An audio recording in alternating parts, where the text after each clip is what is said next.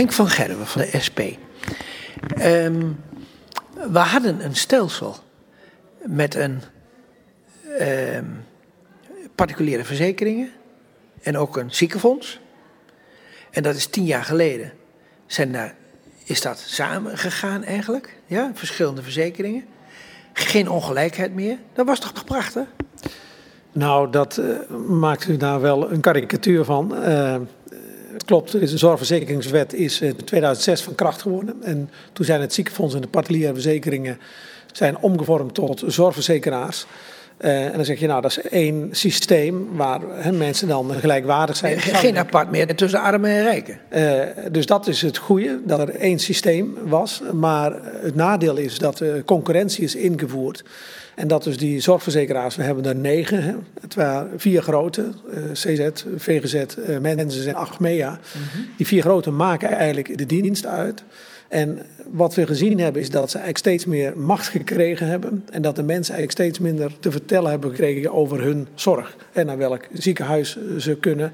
Uh, ook uh, welk materiaal ze mogen gebruiken. Bijvoorbeeld er is heel veel discussie over maar iets wat, ja, wat erg speelt incontinentiemateriaal. Waar de zorgverzekeraars dus heel erg dwingend zeggen: dit mag je wel gebruiken, dat niet op basis van financiële afwegingen. Dus je ziet eigenlijk dat het geld steeds meer is gaan regeren. En dat er van de belofte hè, dat de zorg beter, goedkoper zou worden. En dat mensen meer te kiezen zouden hebben. Ja, die belofte is helemaal niet uitgekomen. Maar ze pakken toch ook de farmaceutische industrie aan? Uh, nou, dat is uh, deels waar. Uh, er moet overgezegd worden dat wij met het nieuwe stelsel, maar daar komen we vast nog over te spreken. Uh, kijk, nu onderhandelen uh, zeg maar de zorgverzekeraars uh, apart met de farmaceutische industrie. Maar wij denken dat het nog veel beter kan en dat er nog veel meer te halen valt bij die farmaceutische industrie, die echt extreme winsten maken. Ook idioot hoge prijzen stellen voor hun geneesmiddelen. En als je daar één nationaal zorgfonds van zou maken, dus dat uh, die verzekeraars allemaal samen laat opgaan in één nationaal zorgfonds, dan wordt eigenlijk de macht of de kracht die je hebt tegenover uh, zeg maar de farmaceutische industrie nog groter. En dan valt nog veel meer te verdienen. Zeker honderden miljoenen tot misschien zelfs wel een miljard euro per jaar. En hoe voorkom je de bureaucratie? Nou, als we kijken hoe het stelsel zich heeft ontwikkeld, dan moeten we constateren dat iedereen hartstikke gek wordt van de bureaucratie. Van de bureaucratie. En waarom is dat? Omdat dit systeem is gebaseerd op concurrentie. Maar, ook... maar is het wel concurrentie? Uh, jazeker, want uh, uh, de ziekenhuizen die moeten met elkaar concurreren om de patiënt. En het is nu letterlijk de een zijn dood, de ander zijn brood. Er zijn ziekenhuizen failliet gegaan. Uh, we, we, denken aan uh, Spijkenisse bijvoorbeeld. Uh, we denken ook het, het Slotervaart, wat grote problemen zat. En dat heeft alles te maken met het huidige stelsel, waarvan de minister ook, ook zegt: ja, ziekenhuizen mogen, wat mij betreft, failliet gaan. En die moordende concurrentie die leidt ertoe dat ook dokters, maar ook ziekenhuizen enorm op productie gericht zijn. Dus hoe meer je produceert, hoe meer verrichtingen je doet, hoe meer geld je vangt. En, en, en, misschien ook wel on, onnodige verrichtingen. En ook onnodige verrichtingen. Het is zelfs, laat het Slotervaartziekenhuis nemen. Daar werden de maagoperaties gedaan. En daar hebben ze gewoon Tuschinski afgehuurd om reclame te maken voor die maagoperaties. Ja, dat is compleet van de gekken. Nou, als je een systeem hebt gericht op concurrentie uh, op productie maken, op productie draaien, dan krijg je veel productie. En dan heb je dus ook weer veel controle nodig om te kijken of de dokters niet te veel doen. En we zien dat, uh, die, uh, laten we die zorgverzekeraars ook een enorm controleapparaat hebben opgebouwd, opgebouwd. Om te kijken of die dokters niet te veel doen en of ze niet te veel geld vangen. Dus het systeem is, is enorm bureaucratisch geworden. En eigenlijk, er is nog een ander element wat, wat, wat we ook zien, is dat het pakket kleiner is geworden. De tandzorg, eh, fysiotherapie, GGZ eh, zijn eh, deels of grotendeels uit het pakket gegaan. En we zien ook dat aan de andere kant de premies niet zijn gedaald, maar juist zijn gestegen. Eén als het eigen risico. dat is heel ergelijk. Hè? Het eigen risico, je moet zich voorstellen, in 2008 is dat ingevoerd. Toen was het eigen risico 150 euro. Het is tweede, in nu, acht jaar later, is het al 385 euro. Als we niks doen, als het zo doorgaat. Waar, blijft de solidariteit? 500, 500 euro in 2021, dat zijn de verwachtingen als dit stelsel blijven staan. Maar eh, waar blijft er nog de solidariteit? Hè? Ja, dat is dus. Eh, we zien dan ook. Ja, die wordt dus afgebroken met dat eigen risico. Want het eigen risico betekent een boete op ziek zijn. Als je gezond bent, heb je natuurlijk het eigen risico, hoef je dan niet te betalen. Maar de mensen met een beperking of chronisch zieken, die miljoenen mensen, die zijn altijd een eigen risico kwijt. En die betalen dus extra premie, zeg maar, om de gezonde een lagere premie te laten betalen. Dat is echt een doorbreking van de solidariteit. En er zijn ook een heleboel die al die dat eigen risico niet meer kunnen betalen. Honderdduizenden mensen in een boeteregime, die dus echt grote schulden hebben. 800.000 mensen of meer die een betalingsregeling hebben met het zorgverzekeraars. En dat wordt elk jaar meer, omdat die kosten alsmaar oplopen. En ja, waar zit hem dat in? Ja, ze kunnen het niet betalen, maar die premies zouden ook uh, eigenlijk naar draagkracht geheven moeten worden. En zouden eigenlijk inkomensafhankelijk moeten zijn. Maar bij dit stelsel is het uh, voor een groot gedeelte zijn het vaste premies. En, dat betekent dat de lagere inkomens uh, de hoofdprijs betalen en het ook in veel gevallen niet meer kunnen betalen. Ja,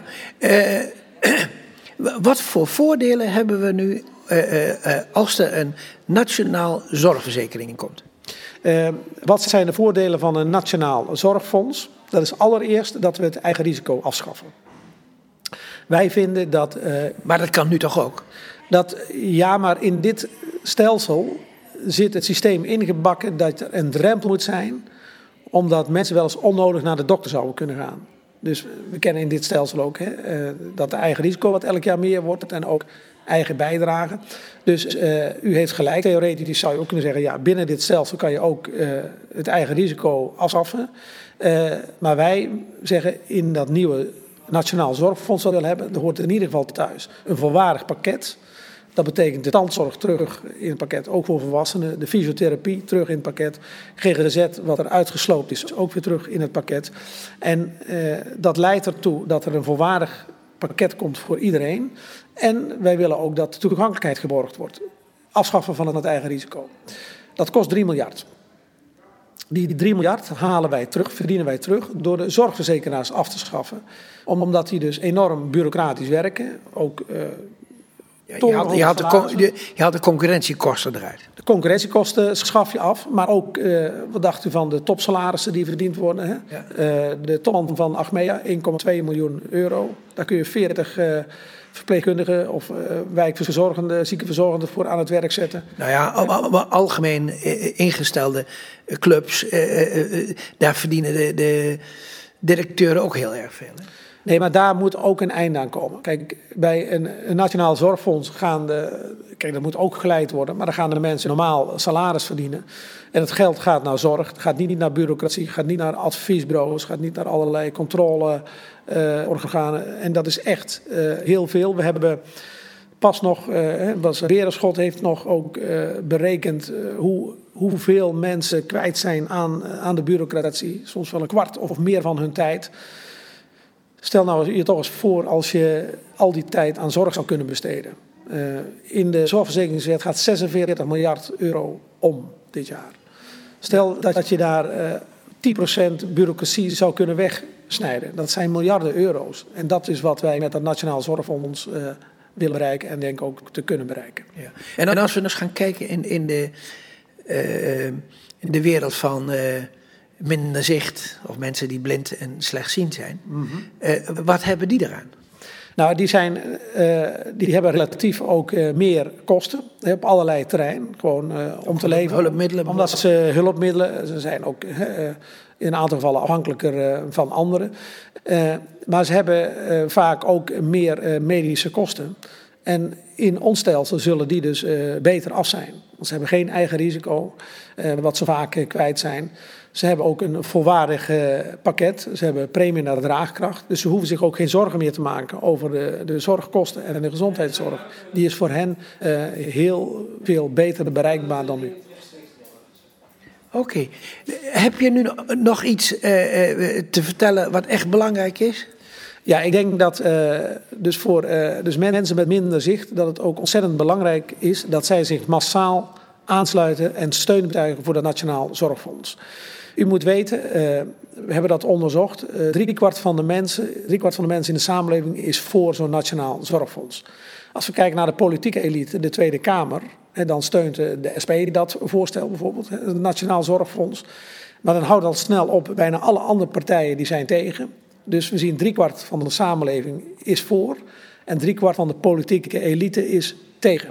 Dus we moeten een uh, beweging van onderop organiseren. die massaal zeg maar, voor dat Nationaal Zorgfonds is zodat wij uh, de elite duidelijk kunnen maken dat dat Nationaal Zorgfonds er echt voor moet komen. Dus uh, ik zou zeggen, nationaalzorgfonds.nl. Ga daar kijken en betuig je steun. En je kan ook actiepakketten daar bestellen. Die, dat kost niks, kun je ze zelfs gratis bestellen. En dan kun je ook nog onder je kennissenkring, de buren enzovoort... ook reclame maken voor dat Nationaal Zorgfonds. Want hoe meer mensen dat steunen, hoe eerder dat het er komt. Als het er niet komt, dan ligt het niet aan jou. Uh, zeker niet. Uh, en ik denk dat het, uh, dat het er komt. Je ziet de weerzin tegen deze zorgverzekeraars die we nu kennen. Het smijten met geld, het, de afbraak van de zorg, de steeds hogere eigen bijdrage. De mensen zijn het zat. Het is tijd om nu het roer om te gooien en te kiezen voor een Nationaal Zorgfonds. Mag ik jou heel, heel, heel erg hartelijk danken en succes met deze actie. Graag gedaan.